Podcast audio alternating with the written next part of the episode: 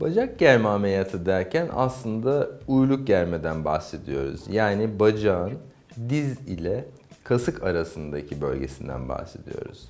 Bacak germe bacağın iç tarafının da gerilmesi anlamına gelir. Dış tarafı gerilmesi anlamına da gelebilir. Yani iki alanda aslında gerilebilecek bir doku vardır. Yine aynı şekilde popo bölgesi ve e, bacağın birleşme bölgelerinde de sarkmalar olabilir. Bu durumda da arka taraftan bir germe yapılabilir.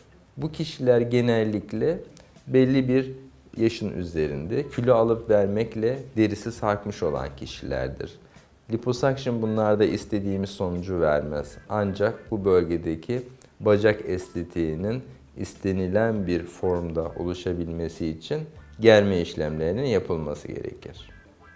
Bu üst bacak germelerinde değişik yerlerden kesiler yapıyoruz. Örneğin bacağın iç tarafındaki bir germe için kasık kıvrımına denk gelen bir kesi yapıyoruz. Aynı şekilde yan taraftaki, dış taraftaki e, bölgenin gerilmesi esnasında da belde yani bikini içinde kalacak olan bir e, kesiyi tercih ediyoruz. Arka tarafa geçersek eğer popo da beraberinde kaldırılacaksa e, belki yine bir bel bölgesinde kesi yapmak mümkündür. E, Sadece bacak germe yapılacaksa poponun alt tarafta bittiği çizgide bir kesi yaparak istediğimiz sonucu elde edebiliriz.